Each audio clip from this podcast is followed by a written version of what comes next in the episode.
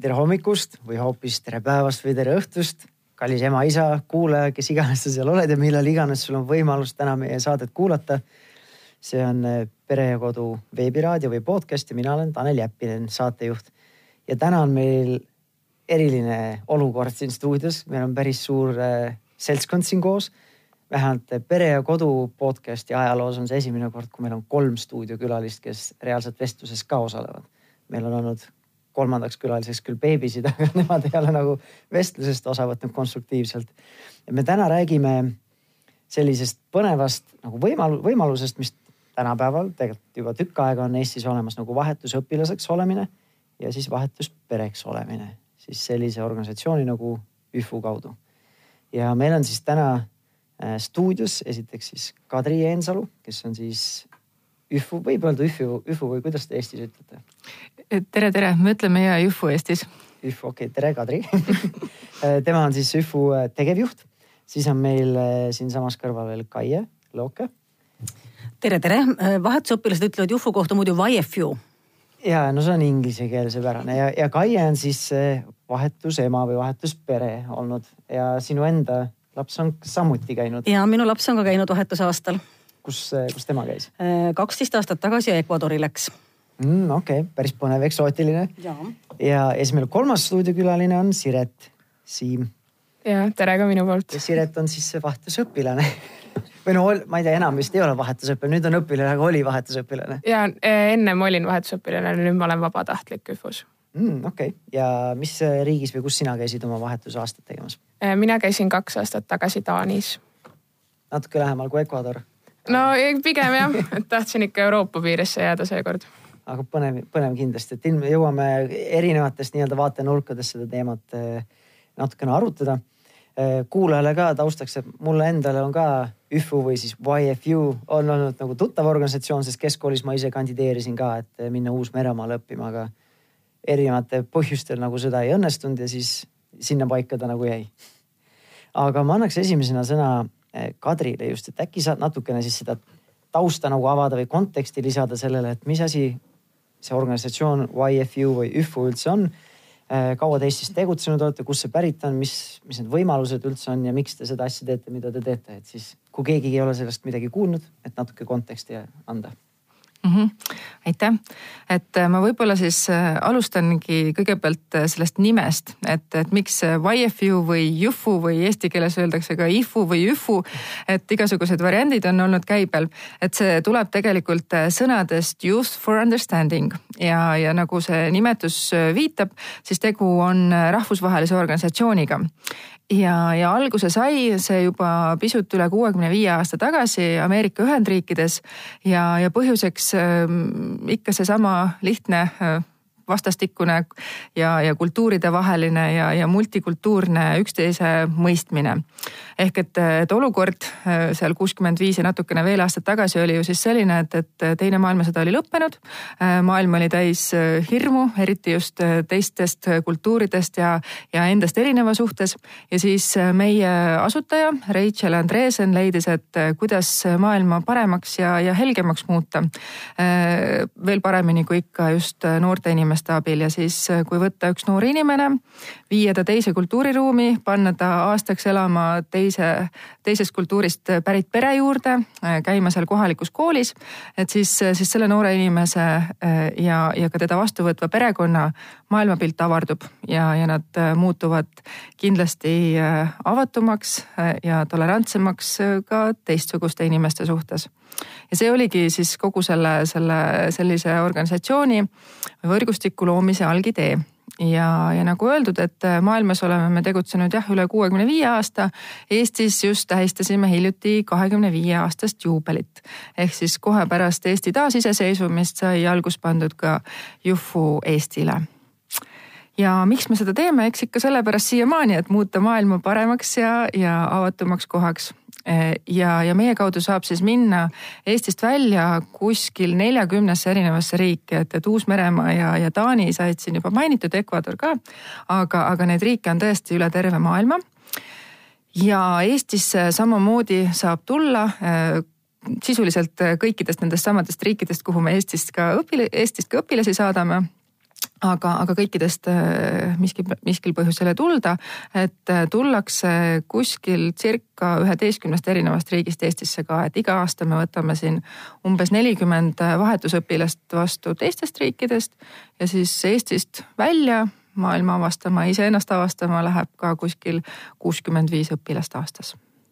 Hmm on teil endal Eestis siis ka selline eraldi mingi missioon, et mida te siis Eestis tahate saavutada või olete siis selle asutaja missiooniga lihtsalt pikendus või?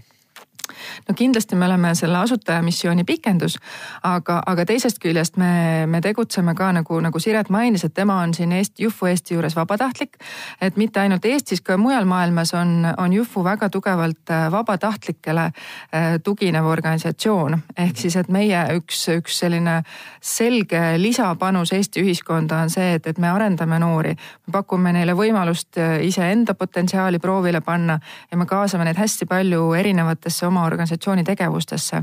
et meil on äh, väga palju, me paneme rõhku äh, vahetusõpilaste ja vahetusperede ettevalmistusele ja siis äh, nende toetamisele terve vahetusaasta jooksul.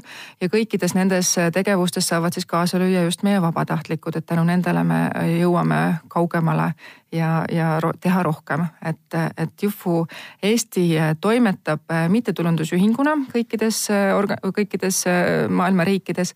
Ja siis meil on suhteliselt väike selline kontorimeeskond, aga hästi suur ja pühendunud vabatahtlike meeskond. no näed tahaks endale ka mõnda vabatahtlikku tööle, kellele palka ei pea maksma et oleks endal ka lihtsam. No ühelt poolt on see jah, see, see võimalus, et, et on, on inimesed, kellele palka ei pea maksma, aga, aga teiselt poolt on see ikkagi äh, selles mõttes me näeme seda, me, see on ikkagi investeering, äh, meiepoolne investeering ka, et, et vabatahtlikud ei tule lihtsalt kaks kätt taskus ja me ei ütle neile, et vot nüüd hakake seda tegema, et tegelikult äh, toimuvad päris põhjalikud koolitused ja ettevalmistused vabatahtlikele, enne kui nad üldse midagi saavad tegema hakata ja, ja siis äh, kogu see nii-öelda äh, pidev, pidev nende, nende toetamine ja jälgimine, et eks see on ka ikkagi arvestatav investeering. kas kõik äh, vabatahtlikud on teil ise selle vahetusaasta läbi teinud või?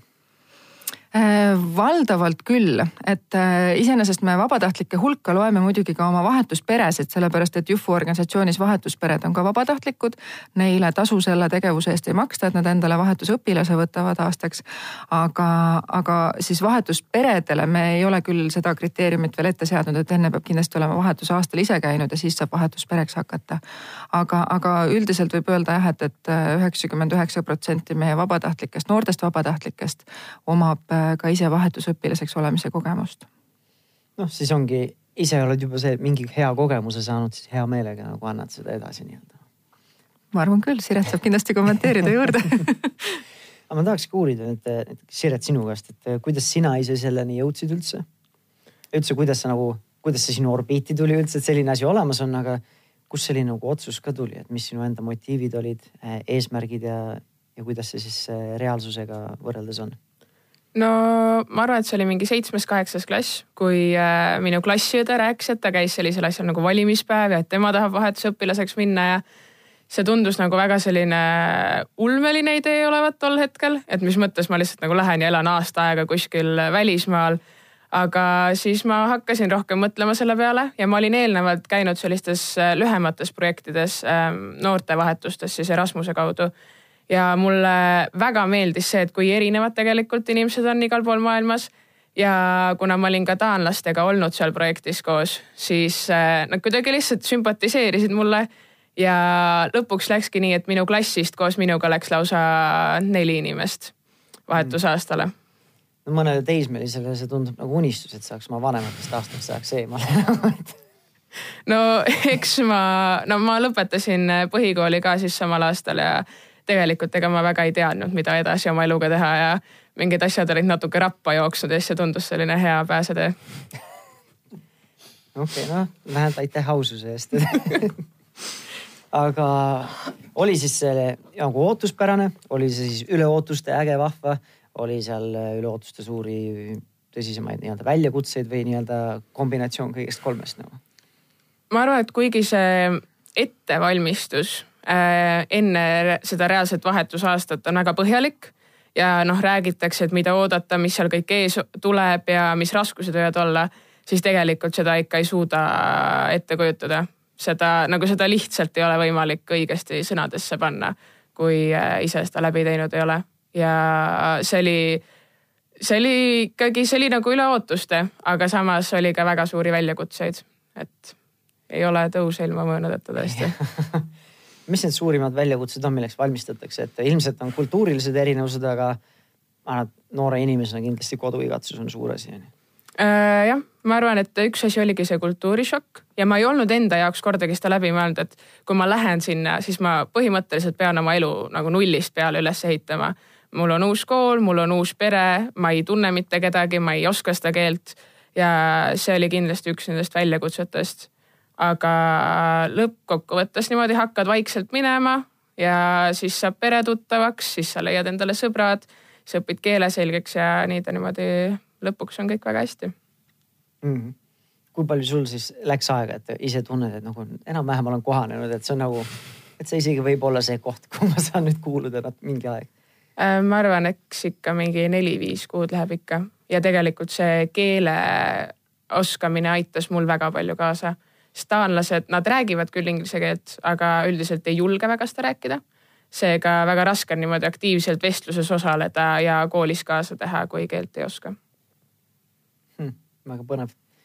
nii et peaaegu üks kolmandik kuni pool ajast läks nii-öelda kohanemisele, et siis see lõpus on siis see mõnus aeg.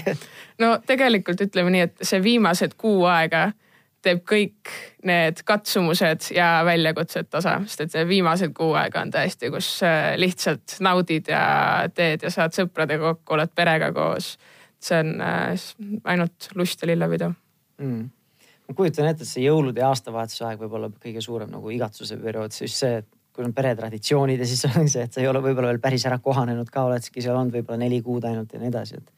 Või kuidas see, see on minu ettekujutus, aga kuidas tegelikult oli? no mul läks äh, niimoodi, et äh, ma vahetasin oma hostpere või noh, vahetuspere siis ja novembri lõpus äh, ma sain siis uue pere. mis tähendas seda, et nagu jõulude ajaks me veel väga hästi ei tundnud üksteist, aga üllataval kombel see oli just see hetk, kui mul ei olnud üldse koduigatsust või mul ei olnud isegi nagu mingit tahtmist äh, Eestisse tagasi minna, et ma nautisin neid Taani jõule seal lihtsalt täie rinnal mm.. vaatan siin Kadri ja Kaie ilusti vaatavad ja muigavad ja naeratavad, et, et seda, kuidas Siret siis oma kogemust sellesse vaatevinklis jagab. aga küsiks siis siitpoolt hoopis äh, Kaie käest, et sina ütlesid, et sinu oli siis poeg vist või? poeg jah. kaksteist aastat tagasi äh, Ecuadoris oli see siis esimene kogemus selle üfuga teil või ja see oli meie esimene kogemus, see oli see, kui ufu tuli meie, meie pereellu. Ja nüüd siis kaksteist aastat hiljem? nüüd siis kaksteist aastat hiljem on meil kodus viies vahetuslaps. okei okay,, et sul, palju teil lapsi muidu on? oh, kes need nüüd kokku siis loeb, oma lapsi on kolm ja siis neid vahetuslapsi on nüüd viis. et siis on kaheksa last, last kokku üle maailma, üle, üle, üle maailma mm -hmm. laiali. väga vahva, aga mis mis siis see, ütleme ema seisukoha pealt, kui sinu enda laps on käinud vahetusaastal, mis seal sellised, ma ei tea siis kas äre, ärevus, äre, ärevuse tekitajad on või murekohad või, või väljakutsed nüüd, kui laps on seal, võib-olla siis tal on, ongi nagu lust ja lillepidu ja pillerkaar ja uued sõbrad, uued tuttavad, aga siis emana siin marineerid ja, ja muretsed või? Noh, loomulikult emad muretsevad ja marineerivad, et eks kaksteist aastat tagasi ei olnud Ecuadoris internet ka niimoodi igapäevaselt kättesaadav, nagu ma kujutan ette, et praegu on. et see oli ikkagi suur asi, kui me saime teada, et täna hommikul kell kuus me saame Skype ida seda niimoodi kord, kord kuus umbes. et äh, ta läks ja lendas ja siis me kaks nädalat ei kuulnud tast mitte midagi, et esimene hetk oli nagu väga-väga hirmutav ja väga selline, et ei tea, kuhu me saatsime oma väikse pojakese Mm -hmm. ja, ja aga noh, selge on see, et ähm, tema läks ja temal oli huvitav ja ta nii väga ei muretsenudki selle pärast, et ta peaks meile mingit tagasisidet andma või et me muretseme või ootame või, või aga noh, küll oli see, et ma nägin, kui ta aasta pärast tagasi tuli, mis, missugune areng oli temas selle aastaga toimunud, et see oli mitme aasta jagu arengut, et see, et ta oli ennast saanud tõestada, ennast läbi närinud rasketest olukordadest ise ja üksinda, saanud endale uusi sõpru ja no, täiesti integreerunud Ecuadori ühiskonda, täiesti jätnud sinna tüki oma südant maha. et see oli nagu väga-väga muljetavaldav, missugune mees tagasi tuli meile võrreldes sellega, kelle me ära me saatsime. kellel mm. muideks on täna sünnipäev. noh, palju õnne talle annan edasi. ilmselt eh, salvestus läheb eh, eetrisse oluliselt hiljem jah kui keegi teine ei tea, siis tema saab täpselt mõõta, et kuna sa salvestasid seda asja. just, just ähm,. aga nüüd äh, selle vahetuse ema või vahetusperena seisukoha pealt, et äh, kuidas see, need esimesed kogemused olid või mis sellised murekohad või väljakutsed või üllatuskohad seal on? Noh, ma ütleks niipidi, et ähm, eks see esimene kord oli ikka see, et tuli ju vastu punnida sellele, aga kus sa lastele ikka saad vastu seista, et kui lapsed ütlevad, et väga on vaja, noh siis tuleb ju lastele vastu tulla ja tuleb lihtsalt hakata vahetuspereks, et äh, esimene kord oli võib-olla kõige hirmutavam, sest sa püüdsid ju ikka olla perfektne ja teha kõike õigesti ja, ja olla nagu parim ja noh, mida aasta edasi ja mida vahetuslaps edasi, seda mugavamaks ja mõnu, mõnusamaks on asi läinud, et äh, eks kindlasti on seal natuke ka vahest sellest, millisest kultuurist laps on pärit, et meil on olnud lapsi Hollandist, äh, Mehhikost, Türgist ja nüüd, nüüd on Saksamaalt et, et kindlasti seal on kultuurilised erinevused, mis natuke ka mängivad, aga tegelikult on ikkagi see, et mida rahulikumalt saab pere oma elu elada, selle, seda lihtsam on lapsel integreeruda peresse ja, ja seda mõnusam on kõikidel koos olla. et sellel lapsel saada nagu selle, vahetuslapsel saada selle pere lapseks päris tõsises mõttes et elada elu, oma pereelu edasi, et siis nagu integreerida, mitte nii, et hakata nüüd kõike ekstra tegema, no see on endale ka päris suur koorem ja. absoluutselt, et jah. Hmm,. väga põnev. Ja, ja, ja Kadri, ma saan aru, sinu enda laps vähemalt ma ei tea, kas sul on mitu last isegi, ma ei tea seda, aga et sul on vähemalt üks laps ka käinud vahetusaastal jah, on, on küll, et eh, ma just siin eh, Kaiet kuuldes, ma ei tea, kas on, on sobilik koht juba, juba mingi sihuke huvitav väga-väga juhfulik moment välja tuua, aga et, et Juhfu muutis meid Kaiega nagu pooleldi sugulasteks ka. et minu laps käis tõesti vahetusaastal ja, ja sattus siis, tema käis Mehhikos. Ja, ja sattus seal Mehhikos elama siis sellesse perekonda, kust on pärit siis Kaie, üks vahetuslastest, ehk siis, et, et sai endale seal Mehhiko venna, kes on siis Kaie laps nii-öelda ja sa oled ise olnud ka vahetusema või vahetuspere jah? jah, olen, olen seda natukene proovinud tõesti, et, et meil ei ole olnud võimalust olla terve aasta, aga, aga me oleme olnud äh, nii-öelda lühiajaliselt siis jah, vahetus, vahetusperega, oma perega hädaabipere siis? Äh, mõned korrad hädaabipere, mõned korrad on see täitsa sihuke teadlik valik olnud mm. -hmm. aga räägime nüüd sellest üldse nagu, et miks miks üldse keegi peaks tahtma minema sinna, natuke võib-olla Sireti muljeid ka, et nagu miks, eh, miks minna ise, kui sa oled noor, oled siis eh, põhikooli lõpetanud, oled sa keskkoolis. miks, miks kaaluda seda, et minna sinna ja siis teise poole pealt tuleme hiljem tagasi ka, et miks kaaluda seda vahetuspere ole, pereks olemist. et eh, mis, mis, mis mõtted sul, Siret, on, et miks siis keegi peaks üldse minema sinna või kes üldse sobib sinna või mis sealt siis, mis need motiivid ja eesmärgid võiksid olla? No mulle tundub, et päris palju inimesi lähevad sinna nii-öelda ennast leidma. ja kui meil olid need ettevalmistavad kohtumised ka, siis ikka noh, on ootused, et sa saad sealt eluaegsed sõbrad ja väga toreda pere ja, ja siis need vabatahtlikud, kes neid läbi viisid, ütlesid, et okei okay,, no et tegelikult sa ei pruugi sealt saada päris eluaegseid sõpru, aga et noh, et enda sa leiad seal küll, see on nagu kindel. ja mina läksingi noh ma arvan, inimesed lähevadki selleks, nad tahavad midagi uut kogeda, osa inimesi lähevadki lihtsalt mõtlevad, miks mitte, nagu kui see võimalus on olemas, miks sa ei peaks seda kasutama.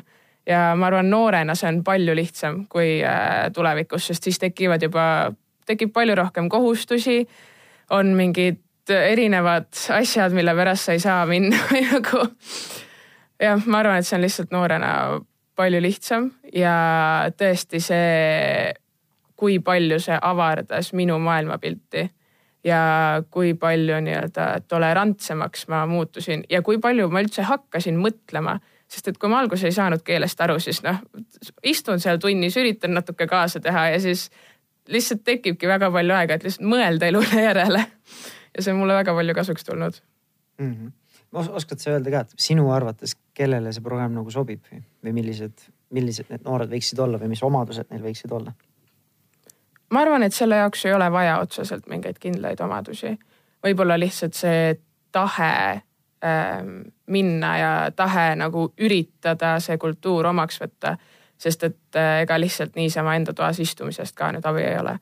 et äh, kui see tahe ja motivatsioon on olemas, siis äh, väga vahet ei ole, milline inimene sa oled mm. -hmm. Kadri Kai, tahate ise täiendada, et milline noor siis sobib kõige paremini sinna programmi või kellele kellele see nagu mõeldud on kõige rohkem? jah, ma selles mõttes olen sada protsenti Siretiga nõus, et, et põhiline omadus ongi see, et, et ma ise tahan minna. et, et lapsevanem, kui, kui tema on nagu nii-öelda põhiasja initsiaator ja, ja laps siis väga-väga pika hambaga läheb, et siis sellest ei pruugi tegelikult väga head nahka tulla aga, aga selle mm, nii-öelda motivatsiooni väljaselgitamiseks äh, meil on ka omal teatavad sellised etapid, äh, mida noh, mida meie programmi kandideerides siis tuleb läbi, läbi teha, et Siret siin esimese asjana või alguses mainis ka valimispäeva, et, et see on jah, selline nii-öelda üks äh, viis, kuidas Jufu programmi, kuidas Jufud siis nii-öelda testivad selle noore inimese motivatsiooni ja valmisolekut vahetusaastale minekuks. et, et kuna siin jah, sai ka mainitud seda, et, et vahetusaasta ei ole kogu aeg ainult lust ja lillepidu, et siis selle jaoks, et nendest keerulisematest olukordadest ka üle saada ja välja tulla, on enda motivatsiooni olemasolu päris, päris oluline. et, et see, see on jah, võib-olla nagu kõige-kõige äh, kriitilisem selle, selle vahetusaasta õnnestumise juures. Aga, aga üks, üks teine moment, kus ma tahtsin äh, veel korraks äh, lisada Sireti jutule juurde, et, et, et, et mida see vahetusaasta annab ja, ja, ja miks on just äh, see, et, et mida, mida nooremana minna, seda kasulikum see on. et tegelikult tõesti, et neid võimalusi vahetusaastale minna tuleb ju või, või välismaale minna, tuleb ju hiljem küll ja veel, et, et saab minna ülikooli ajal, saab minna siis kas vabatahtliku teenistuse kaudu või, või siis nüüd see solidaarsuskorpuse kaudu ja nii edasi ja nii edasi, omal käel ja kõike veel veel. aga, aga üks, mis muudab selle, selle Jufu aasta nagu väga eriliseks või Jufu kogemuse väga eriliseks, ongi just see, et, et, et see minek toimub niivõrd noores eas ja, ja, ja see kohalik elu toimub selles kohalikus äh, peres ja käiakse kohalikus koolis. et näiteks äh, kui võrrelda nagu seda ülikooli kaudu minekuga, et siis, äh, siis näiteks see selline nii-öelda täiesti rohujuure tasandil kohaliku kultuuriga kokkupuutumine võib ülikooli kaudu minnes jääda noh, nagu pisut võib-olla tagasihoidlikumaks. ja, ja ka noores eas, mis seal salata, eks see keel jääb kergemini külge ja, ja nii-öelda see, see maailmapilt avardub tõesti äh, kordades kiiremini, et sama, sama, mis, mis Kaie mainis, et, et see, see mees, kes Ecuadorist tagasi tuli, ei olnud see poiss, kes läks sinna et noh, seda ma saan ka kinnitada mitmekordselt, et lisaks oma, oma lapse arengu nägemisele, et me näeme ju igapäevaselt Jühvus seda, et, et, et millised äh, väikesed lapsed ära lähevad ju, kui ja kui suured ja asjalikud äh, arutlejad sealt äh, tagasi tulevad ja, ja mis, mis on muutunud just nende nii-öelda maailmavaates ja silmaringis, et see on, see on äärmiselt, äärmiselt tore. Mm..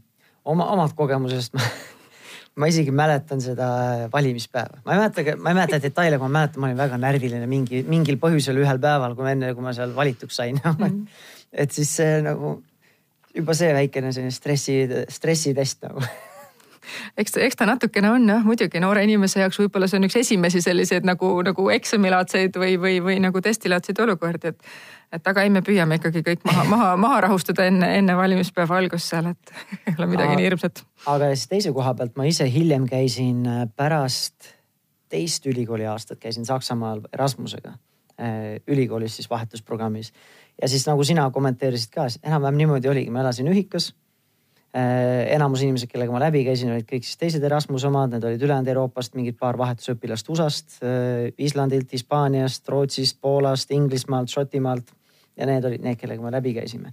minu ühikakaaslane oli saksa, saksakeelne või sak-, äh, aga ma saksa keelt väga palju rohkem ei õppinud kui ainult siis selles intensiivse saksa keele kursusel, kus ma käisin selle Erasmuse ajal mm. -hmm. et saksakeelset igapäevasuhtlust paraku nagu ei toimunud.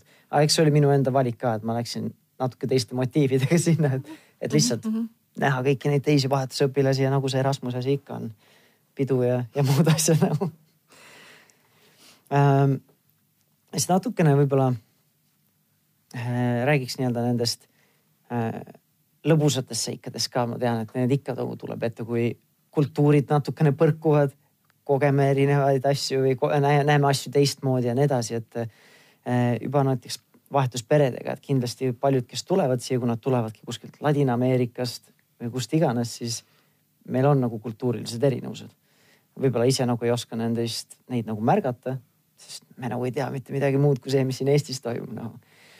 aga, aga on mingeid selliseid põnevaid ja selliseid võib-olla juba nüüd, nüüdseks nagu legendaarseid juhtumeid ka ühel või teisel pool mandrit, et Eestis või siis meie õpilased seal, et mis, mis nagu on juhtunud ja mis on siis nagu nüüd juba võib-olla naljakad nagu no ikka on, et ma, ma võin otsa lahti teha, ma arvan, et Siretil on nagu enda kogemust ka kindlasti jagada ja Kaiel ka, aga, aga näiteks noh, ütleme, et, et, et selline, kui sa mainisid neid erinevaid mandreid, et siis mul kohe tuli meelde see, et, et kuidas meie õpilased justkui nad käivad seal Ladina-Ameerika pool ja, ja niiviisi teisel pool, et, et meie noored teatavasti on väga iseseisvad ja nad noh, kipuvad ka vahetusaastal olema väga iseseisvad, aga, aga aga ega siis äh, Ladina-Ameerikas kultuur on täiesti teistsugune, et seal ikkagi lapsed on väga äh, nii-öelda seotud oma, oma vanematega ja, ja peavad siis ka oma, oma käikudest pidevalt raporteerima ja mitte lihtsalt nii, et, et, et kas tohib, ma lähen nüüd, äh, ma ei tea, Juanile külla,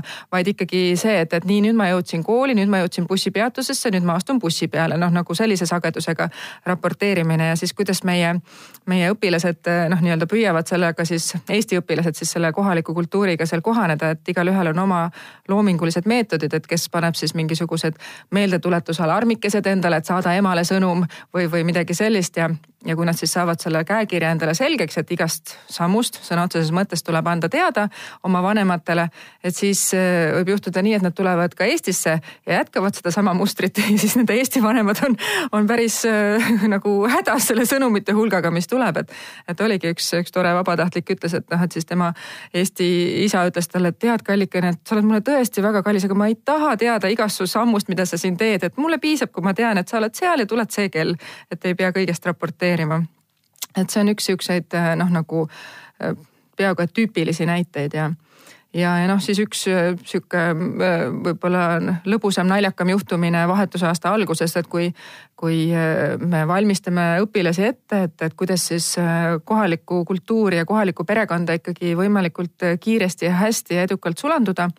Et siis üks nõuanne on ka see, et, et tehke perega hästi palju koos asju, et noh, kui pere kutsub sind kuhugi, et siis tasub ikkagi nagu liituda ja mitte jääda oma tuppa äh, istuma. Ja siis noh, see võib lõppeda erinevates naljakamates olukordades, et näiteks kui, kui vahetuspere on täielikult hispaaniakeelne ja, ja räägitakse midagi, ainuke sõna, millest sa aru saad, on vamos.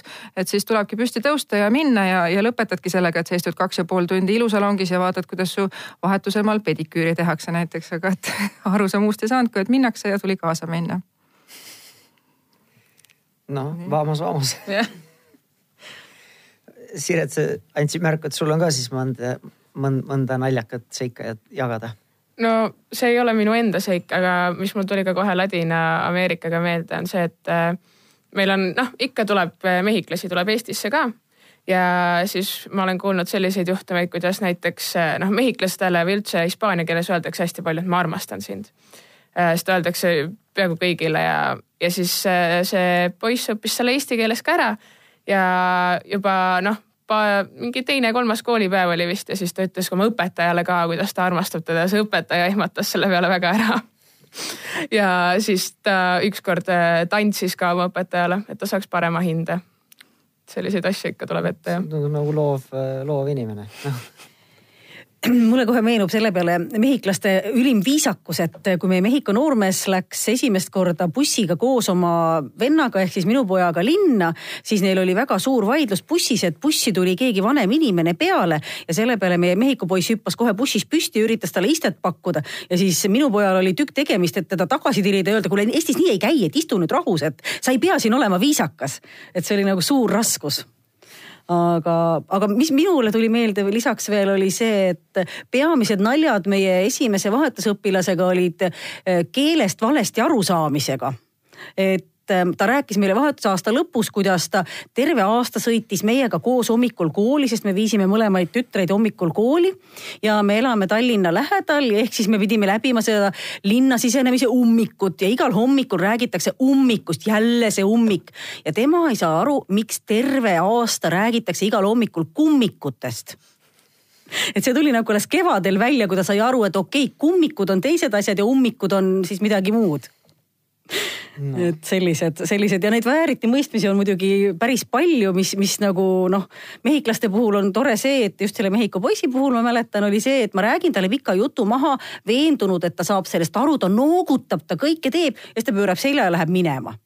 et ta nagu, ma saan aru, et ta ei saanud tegelikult mitte midagi aru et selliseid toredaid asju, mis tegelikult nihutavad ka enda piire ja, ja teevad tolerantsemaks, et okei okay,, et noh, et see ongi okei okay,, et ei saa aru, et küll siis räägime uuesti. Mis on ühtepidi naljakas, lõbus ja, ja noh, eluline. mm et äh, mul äh, meenus nüüd äh, Kaie juttu kuulates veel üks selline noh, nagu peaaegu et legendiks saanud lugu, et, et kui sa enne küsisid, kas on mõni lugu, mis on legendiks saanud, siis ka see puudutab nüüd ühte vahetusõpilast, kes käis Eestis. pärit oli ta, kui ma ei eksi, siis Belgiast ja noh, juba aastaid tagasi veetis tema oma vahetusaasta siis Tartu lähistel noh, selles mõttes nagu maakohas, et, et oli perekond, kes kasvatas ka ise kartulit ja muid köögiviljasaadusi siis. Ja, ja ühe ühel äh, sügisel, äh, tema vahetusaastast oli juba mitu-mitu aastat möödas, ta oli väga-väga heades tihedates suhetes oma vahetusperega Eestis ja ühel sügisel ta siis äh, helistas umbes neljapäeva õhtul oma, oma vahetusemale ja küsis, et kuule, kuule, et ma tuleks nüüd külla, et ega teil kartul veel üles võetud ei ole. ema ütleb, et ei, et aga et muidu nädalavahetusel plaanisime võtma hakata küll, et tead mis, äkki saate veel nädala võrra nagu pikendada seda, et ma tuleks oma sõbraga siit Belgiast ka külla, siis ma näitaks talle, mida päriselt töö tegemine tähendab, et võtaks koos kartulit. õpivad siis äh, distsipliini ja töö tegemist ka Eestis jah, ja panevad võib-olla nagu teise pilguga ka kartulivõtmist vaatama, et, et päris eksootiline tegevus. aga, aga räägime siis enne kui me ära lõpetame sellest ka, et miks üldse keegi võiks hakata vahetuspereks, et mis sealt siis no mõttes ikkagi nagu isi, egoistlikult peaks ju nagu võtma, et mis siis minul sellest saada on nagu, et, et nagu ainult heatahtlikult ka ei tahaks ju võtta no aastaks ajaks kellegi endale nagu kohustuseks või, või nagu võib esmapul-, esmapuu-, esmamuljel nagu selline mulje jääda ju ma arvan, et seda motivatsioone on, on olnud tegelikult mitmeid ja on olnud ka erinevatel peredel mitmeid, aga ma võin muidugi oma perekogemusest rääkida, et näiteks Mehhiko laste puhul oli meie omakasupüüdlik kogemus hispaania keelt praktiseerida. Mis on Jufu puhul täiesti aktsepteeritav, et keeleõpe on nagu üks, mis on täiesti noh, lubatud omakasupüüdlik motiiv. aga noh, kindlasti on see, et mm, vahetusõpilase või vahetusõpilase perre võtmine toob kindlasti kaasa perre hästi palju emotsioone, äh, vaheldust, ähm, liigutab pererutiine ja traditsioone. et kindlasti on tore see, et vahest on endalgi tore minna linnamuuseumisse või äh, Raekoja torni. kui sa muidu ei viitsi seda teha, siis vahetusõpilase puhul sa ikkagi viitsid ennast välja ajada kodust ja ma ei tea, viitsid mehhiklastega minna mööda Saaremaad seiklema või midagi sellist teha, mida muidu ei teeks, et just nagu see rutiinist välja saamine on meie puhul olnud nagu selline hästi-hästi oluline, et. et noh, ma ütleks, et nagu ikkagi, et on äge, kui juhtub jälle midagi, mis on ebatavaline või mis on teistmoodi või mis pakub väljakutset või, või noh, mis on nagu selline vaheldust toob ellu mm. -hmm. tahad sa Kadri täiendada või Äh, jah, ei mul väga-väga palju äh, täiendada võib-olla ei olegi, et see, see vahelduse toomine on, on üks hästi-hästi oluline moment ja, ja samas äh, ka, ka kindlasti nagu mitte ainult täiskasvanutele vahelduse toomine sinna ellu, vaid ka, vaid ka lastele. Et meil aeg-ajalt saabub ikkagi selliseid küsimusi, et noh, et võtaks, võtaks küll vahetusõpilase, aga ma ei tea, et lapsed on veel no väikesed, et siuksed kolme-neljased, et kas noh, et, et ootame veel umbes kümme aastat, et siis nad on sama vanad kui vahetusõpilased. Et äh, tegelikult jah, ei peagi ootama, et võivad vaik, äh, lapsed olla ka täiesti väikesed seal vahetusperes ja, ja meil on väga-väga äh, palju kogemusi, kus väikesed lapsed aitavadki seda nii-öelda vahetusõpilast pereellu kõige paremini integreerida. sest ühelt poolt nemad ei ole veel tavaliselt väga ladusad mõne muu keele, mõne võõrkeele rääkijad, et nemad jätkavad eesti keeles seda jutuajamist neil puuduvad sellised võõristusbarjäärid tavapäraselt, et, et noh, et oh, ma ei julge nüüd temaga rääkida ja nende, nende eesti keel on, on hästi lihtne, et siis on ka vahetusõpilasel hea, lihtne, mugav äh, kohe selline mm, nii-öelda e-, esmatasandi suhtluskeel selgeks saada.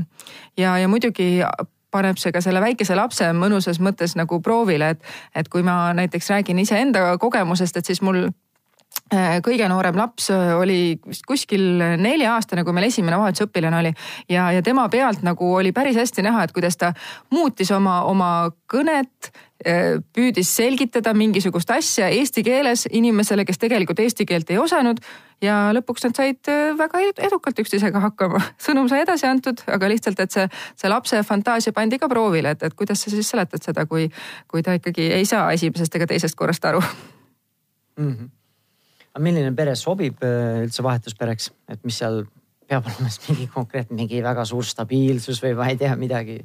Äh, mingid kriteeriumid seal nagu on, et mida saab üldistada äh, mingid kriteeriumid küll on jah, et, et aga jälle sellele samale Sireti alguse lausele kuidagi tuginedes, et, et motivatsioon on kõige olulisem. et, et iseenesest me, mis on meil ette nähtud rahvusvaheliste standarditega, on see jah, et, et, et vahetuspere peab suutma õpilasele pakkuda voodikohta ja kolm korda päevas äh, toitlustama. aga muid äh, väga selliseid rangeid kriteeriume me ette ei seagi, et äh, see, mis, mis teeb vahetus, mis teeb tavalisest perest vahetuspere, on just see soov ja motivatsioon oma, oma koduuksed avada teisest, teisest kultuurist inimesele jah, ma tahaks veel seda lisada, et mida ma enda vanemate pealt olen äh, näinud, kui ma olen avaldanud soovi siis hakata ka vahetuspereks, ongi just see, et nad arvavad, et äh, sinna peab hästi suure mingi lisapingutuse juurde panema, et kodu peab siis kogu aeg korras olema ja peab mingeid uhkeid toite tegema, aga tegelikult, äh, mida mina ka tundsin, ongi see, et kui see pere läheb enda eluga edasi, teeb nii, nagu neil tavaks on siis äh, on ka vahetusõpilasel palju lihtsam sinna sisse sulanduda. ja kuna minu emale meeldib väga koristada või ta noh, ta peab seda hästi vajalikuks, siis äh, tegelikult noh, see ei ole nagu mingi selline eriline püüdlus, alguses on ikka natuke raske, tuleb teineteisega harjuda, aga lõpuks või noh, isegi enamiku aastast ei pane seda enam väga tähele. väga põnev, tundub nagu huvitav asi, mida teha, mitte võib-olla kõigile, aga aga me ise oleme enda peres ka, äh, kui meil on hästi suur lai ringkond äh, tuttavaid, siis tuttava tuttavaid me oleme ise äh, kodu majutanud enda kodus, meil on vaba külaliste tuba, kus ongi, meil oli näiteks Ameerikast oli kuu aega üks mingi vabakutseline graafikadisainer, kes elas siis sellist vabakutselise elu, et reisis mööda maailma ringi ja just paar päeva tagasi läks ära üks Taist pärit teadlane, kes tegi Tartu Ülikoolis teadustööd kuu aega et äh, see on nagu meie enda pere seisukohast on hästi põnev olnud, kuidas lapsed nii-öelda kohanevad, vaatavad eh, erinevad temperamendid, erinevad kultuursed taustad ja kultuuritaustad ja nii edasi, et, et see on just nagu lapsevanema seisukoha pealt ka minu, minule nagu atraktiivne, et lapsed kogevad, et on ka teistsugusi elu, elu, elu, eluolusid või inimesi kui siin äh, Tartus või Eestis no.. just. kellel igane, iganes on siis nagu huvi selle asja vastu, kas siis õpilasel või siis lapsevanemal, et oma õpilase jaoks või siis hoopis vahetuspere seisukohast. et kust, kust selle kohta siis infot saab? no infot saab muidugi kõige paremini meie enda kodulehe pealt, mille aadress on siis päris lihtne, ongi yfu.ee ehk siis jufu.ee ja seal on võimalik siis valida, kas äh, vahetusaastale minemise kohta lisainfo nupukene või siis vahetuspereks hakkamise kohta lisainfo nupukene. ja muidugi Facebookis ja, ja Instagramis saab meid ka jälgida on, on seal praegu nende avalduste esitamise hooaeg praegu või kuna need tärminid on ja kui kellelgi on tõsine, tõsine huvi, et siis oleks sellest ka teadlik mm. -hmm. et äh, vahetusõpilaseks äh, kandideerimine nüüd äh, siis selleks õppeaastaks, mis algab sellel, sellel sügisel ehk kaks tuhat üheksateist algavaks õppeaastaks, kestab veel mõned kuud, et kui nüüd kiiresti tegutseda, siis jõuab ilusasti ka sellel sügisel vahetusaastale sõita.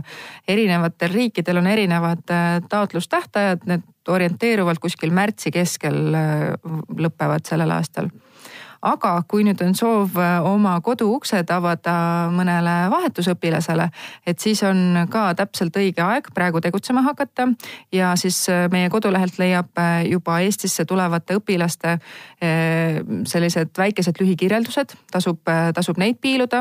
meil on olemas selline vahva test, kus saab siis nii-öelda nagu testi vormis leida endale sobiliku õpilase. loomulikult väike sihuke ääremärkus, et see on, test on ikkagi meelelahutus meelelahutusliku eesmärgiga.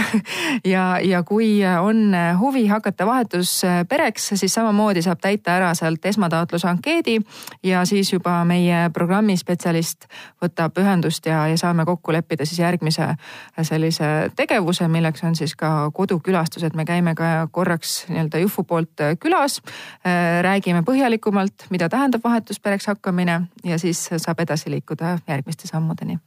väga vahva, info olemas siis kas keegi tahab veel lõpetuseks siin mõne maasika ka öelda, et selline pärli siin i-le täppi panna, et on kellelgi tunne, et jäi midagi ütlemata või, või tõmbame joone alla no ma ühe, ühe väikese sihuke maasikat ma ei luba, aga väike, väike i-täpikene võib tulla küll, et, et ähm, noh, neid, neid lugusid, mis, mis, mis on väga võib-olla naljakad ja, ja väga isegi kummastavad meile, eestlastele, on ju juhtunud väga palju siin nende kahekümne viie aasta jooksul, kui meil on käinud vahetusõpilasi Eestis. aga, aga üks selliseid väga-väga elulisi on see, et, et kuidas õpilased imestavad selle üle, et, et mis asi on kilepakendis piim et sellist asja nagu kuskil mujal maailmas naljalt ei märka ja seda ei eksisteeri ja siis see imestus, et aga kuidas seda tarbitakse, et terve liiter korraga juuakse ära või, või mis, mis, mismoodi see, see süsteem teil käib. et see on üks väga selliseid asju, mida eestlasena sa ei arvagi, et see võib kuidagi kellelegi veider tunduda, et piim kilepakendis on. no näed, aga suur aitäh teile kõigile kolmele, et võtsite aega, et siia tulla. aitäh, Siret sulle. aitäh, Kadri, aitäh, Kaie kui kellelgi on äh, huvi selle asja vastu, siis yfu.ee on see, on see veebileht, kus seda leida. aga vahepeal siis, äh, kui sul hakkad minu häälest või külaliste häälest puudust tundma, siis võid kuulata eelnevaid või, või ka siis panna endale meeldetuletuse, et laupäeviti järgmist episoodi või saadet oodata. ja kõige selle vahepeal saad siis silma peal hoida ka Pere ja Kodu ja Delfi veebiväljaandel ja Facebooki lehel. aga selleks korraks kõik ja järgmise korrani, nägemist